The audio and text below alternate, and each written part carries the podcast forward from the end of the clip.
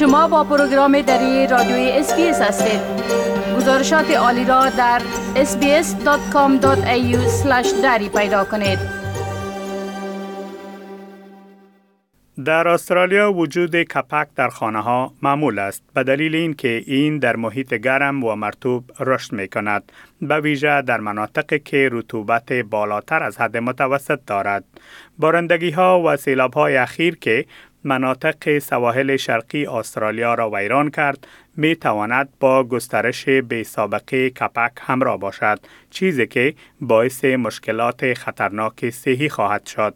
کارشناسان می گویند که اکثریت مناطق آسیب دیده از سیل در کوینزلند و شمال نیو ساوت ولز در برابر رشد کپک بسیار آسیب پذیر هستند و از بین بردن آن می تواند خطرناک و پرهزینه باشد. بر اساس تخمین سازمان صحی جهان، کپک در 50 درصد خانه های استرالیا وجود دارد و می تواند حتی برای مدت کوتاهی برای افرادی که در معرض آن هستند مشکلات جدی صحی پیدا کند. کپک همچنان می تواند به تکه ها، لباس ها و سایر وسایل شخصی آسیب برساند که در بسیاری از موارد آنها را از بین می برد. اما نگرانی اصلی مسئولین تأثیر آن بر صحت مردم عام است. دکتر کریس موی معاون انجمن طبی استرالیا می گوید که افراد مبتلا به مشکلات تنفسی، حساسیت و کسانی که سیستم معافیتشان ضعیف است بیشتر در معرض خطر هستند. او می‌گوید افرادی که مشکل نفستنگی، حساسیت فصلی یا بیماری جلدی اکسما داشته باشند به کپک حساسیت دارند. این شرایط می تواند بسیار بدتر شود. او می افزاید که این احتمالا رایشترین علائم است. برای دیگران ممکن است فقط یک تحریک مستقیم به دلیل کپک باشد یعنی سوزش چشم ها، سوزش بینی و گلو. آقای موی می‌گوید که در تعداد نادری از موارد واکنش ها ممکن است بسیار شدیدتر باشند مانند بیماری شدید ششها یا التهاب مستقیم خود ششها یا سینوس ها The, the commonest the allergies is really that people who have asthma or who have um, bad hay fever or eczema and are allergic to molds, will, that these conditions could get much worse. Um, and that, that's probably the, the, the, the, most common. For, for others, it may just be a direct irritation because of the mold. So that's things like uh, bitter irritation of the eyes and irritation of the nose and throat. And then in a rare number of cases, we'll have much more severe reactions like severe lung disease or direct infection of the lungs themselves or uh, sinuses. And, and they're very uncommon. They're generally people who have a susceptibility, uh, like, for example, if they have chemotherapy, or, for example, who have a very rare uh, severe immune response to the molds. دکتر آریانا برامبیلا محقق و استاد در رشته مهندسی پوانتون سیدنی اخیرا کتاب را در مورد رطوبت و ساختمان منتشر کرده است.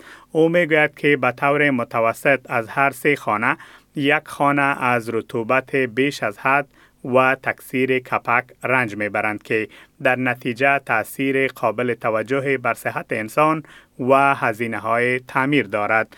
او می افزد اگر فعالیت های خاصی انجام می دهید مثلا ورزش کنید یا اگر فقط لباس ها را داخل خانه خوش کنید پس می توان گفت که ساختمان های قدیمی و هم ساختمان های جدید می توانند به یک اندازه رشد کپک داشته باشند.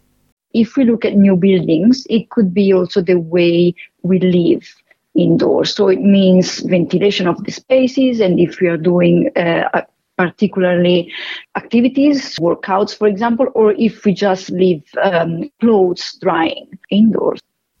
So we can say that both uh, old buildings and new buildings can suffer from mold growth equally.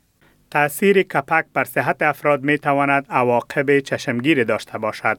امیتا پیادزه باشنده شهر ملبون است که پس از زندگی در چندین خانه کرایی در طول سالها شروع به بروز علائم کرده است. سالها طول کشیده تا متوجه شود که انواع مختلف از مشکلات صحی که از آنها رنج می‌برد با کپک خانه مرتبط است. او می‌گوید که زمان کار از خانه متوجه شده است که علائمش بدتر می شوند و زمانی که برای اولین بار شروع به خواندن کتاب در مورد کپک کرد متوجه شد همه علائمی را که در ده سال گذشته داشت در کتاب تشریح شده است. او می افزاید که این یک کشف بزرگ بود. اولین قدمی که به طور گسترده برای همه درمان شناخته شده است وقایه است. پس چیزی که در قدم اول به او کمک کرد دوری از مکان است که آب به او آسیب نرسانده باشد و کپک نداشته باشد. When I first started reading it, it was just like, oh my God, this, is, this explains all of the symptoms that I've been having in the last 10 years. So it was a big revelation. And then uh, the first, the very first step that it's widely recognized for mold treatment is actually avoidance. So what helped was finding a place that was not water damaged and didn't have mold. اما خروج از خانه برای خانم پیاتزا آسان نبود. حدود پنج ماه طول کشید تا این زن 39 ساله و شریک زندگیش یک خانه کرایی مناسب پیدا کنند. دکتر برامبیلا می‌گوید که وظیفه پاکسازی کپک بسیار سخت است و بهتر است این کار به متخصصان سپرده شود و خودتان این کار را انجام ندهید. او می افزد که گاهی اوقات می دانیم که برخی مواد کیمیاوی می توانند کاملا زهری باشند. شستن آن آسان است اما مشکل کپک این است که داخل دیوار است بنابراین احتمالا ما فقط سطح را پاک می کنیم اما قالب باقی می ماند It's highly difficult and we always recommend to not do it yourself at home sometimes you know with some chemicals that could be uh, quite toxic it's easy to wash it off But the problem of mold is that it's inside the wall. So probably we just clean the surface, but the mold stays there. So it's not a long-term solution. So the best way on the short term is ventilate the space or use humidifier to remove the excessive humidity and then call a professionals that could actually look and assess the gravity of the situation. آب و هوای اخیر در کوینزلند و نیو ساوت ولز صحت باشنده های این مناطق را به خطر انداخته به دلیل اینکه تجمع رطوبت به صورت بیپیشینه در حال افزایش است.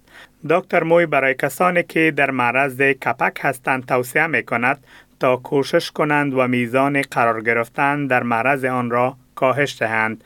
او می گوید اولین نکته این است که کوشش کنید در صورت امکان در هوای تازه بمانید. متاسفانه به دلیل سیلاب های اخیر قرار گرفتن در معرض رطوبت زیاد باعث ایجاد کپک می شود.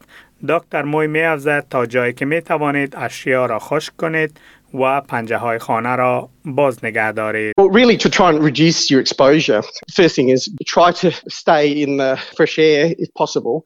Unfortunately, obviously in situations such as the recent floods where there's a lot of moisture exposure, which is what's going to cause the mold to flourish, is to dry out as much as you can, open up the windows as much as you can to dry out things that, and unfortunately remove things that have been really soaked in water for a couple of days, like carpets and things like that. If they're, if they're soaked in water, they're probably not going to be able to dry it out and they'll have lots of molds. They may need to be thrown out. دکتر موی میگوید اگر نیاز دارید به منطقه بروید که در آن کپک های زیاد وجود دارند از ماسک استفاده کنید. And the other thing is that if you do need to go into an area where there are a lot of molds, wearing one of these uh, heavier duty masks, these P2N95 masks, which are much better at sort of filtering out molds or the spores, are the sort of things that are worth wearing. بپسندید، شریک سازید و نظر دهید. اسپیس دری را در فیسبوک تعقیب کنید.